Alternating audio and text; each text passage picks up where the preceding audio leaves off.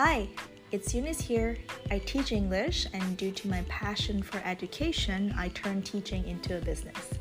I'm building my second company now, and through my business, I have learned a lot about life and found myself in the process.